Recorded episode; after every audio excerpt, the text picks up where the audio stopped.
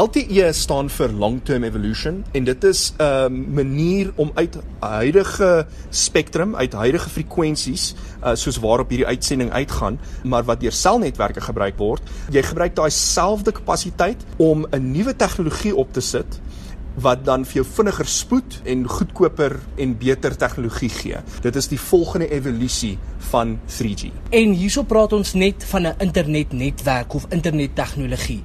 Ja, ja, LTE uh, oor, oor die algemeen toe veral toe dit net begin uitrol op op Suid-Afrikaanse netwerke was net data, dit was net internet.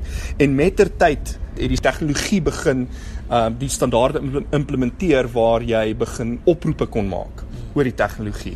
Nie almal ondersteun daai tegnologie op hierdie stadium nie, maar dis uiteindelik waarheen LTE gaan beweeg. En dit gaan nou op die maan gebruik word. Hoe gaan dit gebeur? ja, dit klink so. Dis 'n lekker manier om te toets uiteindelik hoe hierdie tegnologie werk buite ons atmosfeer en of dit uiteindelik gebruik kan word vir missions na die maan of Mars toe dalk eendag waar jy net eenvoudig nie foute in kommunikasie kan duld nie of jy die tegnologie so kan aanwend uh, dat jy dit kan gebruik vir goed wat ongelooflik sensitief is. Maar kan daar 'n internetverbinding wees sonder kabels wat aan 'n infrastruktuur gekoppel word soos die wat ons tans het?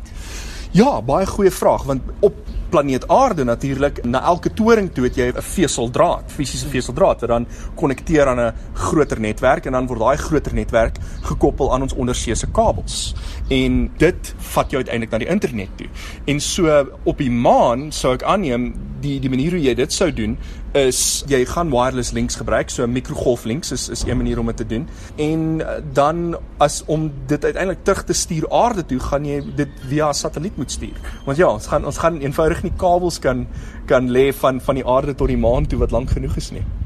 So word dan nuwe tegnologie hiervoor ontwikkel of 'n nuwe vorm van die tegnologie. Wel, en ons sal moet sien. Die idee is dat hulle die huidige tegnologie gaan aanwend om te kyk of dit werk op die maan.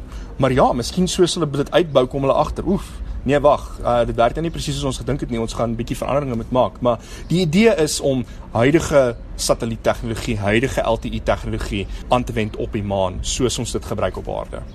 So as hulle dit nou reg kry om iemand op die maan toegang tot die internet te gee, watter soort impak gaan dit hê op mense wat nie op die maan werk nie, byvoorbeeld die wat in die ruimte werk of die van ons op aarde?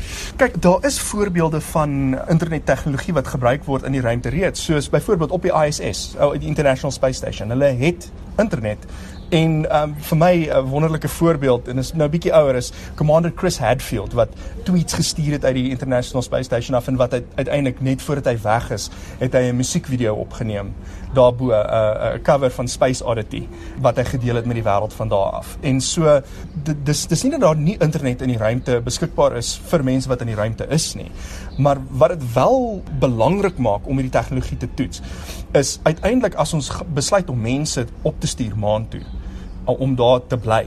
As ons mense stuur Mars toe, dan wil ons seker maak dat die dat die tegnologie wat ons reeds het vir daai mense daar gaan werk en sodat ons dit op dieselfde manier kan aanwend of hoe ons dit gaan aanwend dat um, jy weet die fone wat die wat die ouens opvat maan toe dat hulle dit daar kan gebruik of die laptops om jy weet hulle gewone werk te doen om seker te maak dat dit kan konnekteer aan 'n netwerk dat hulle kan kommunikeer met die aarde.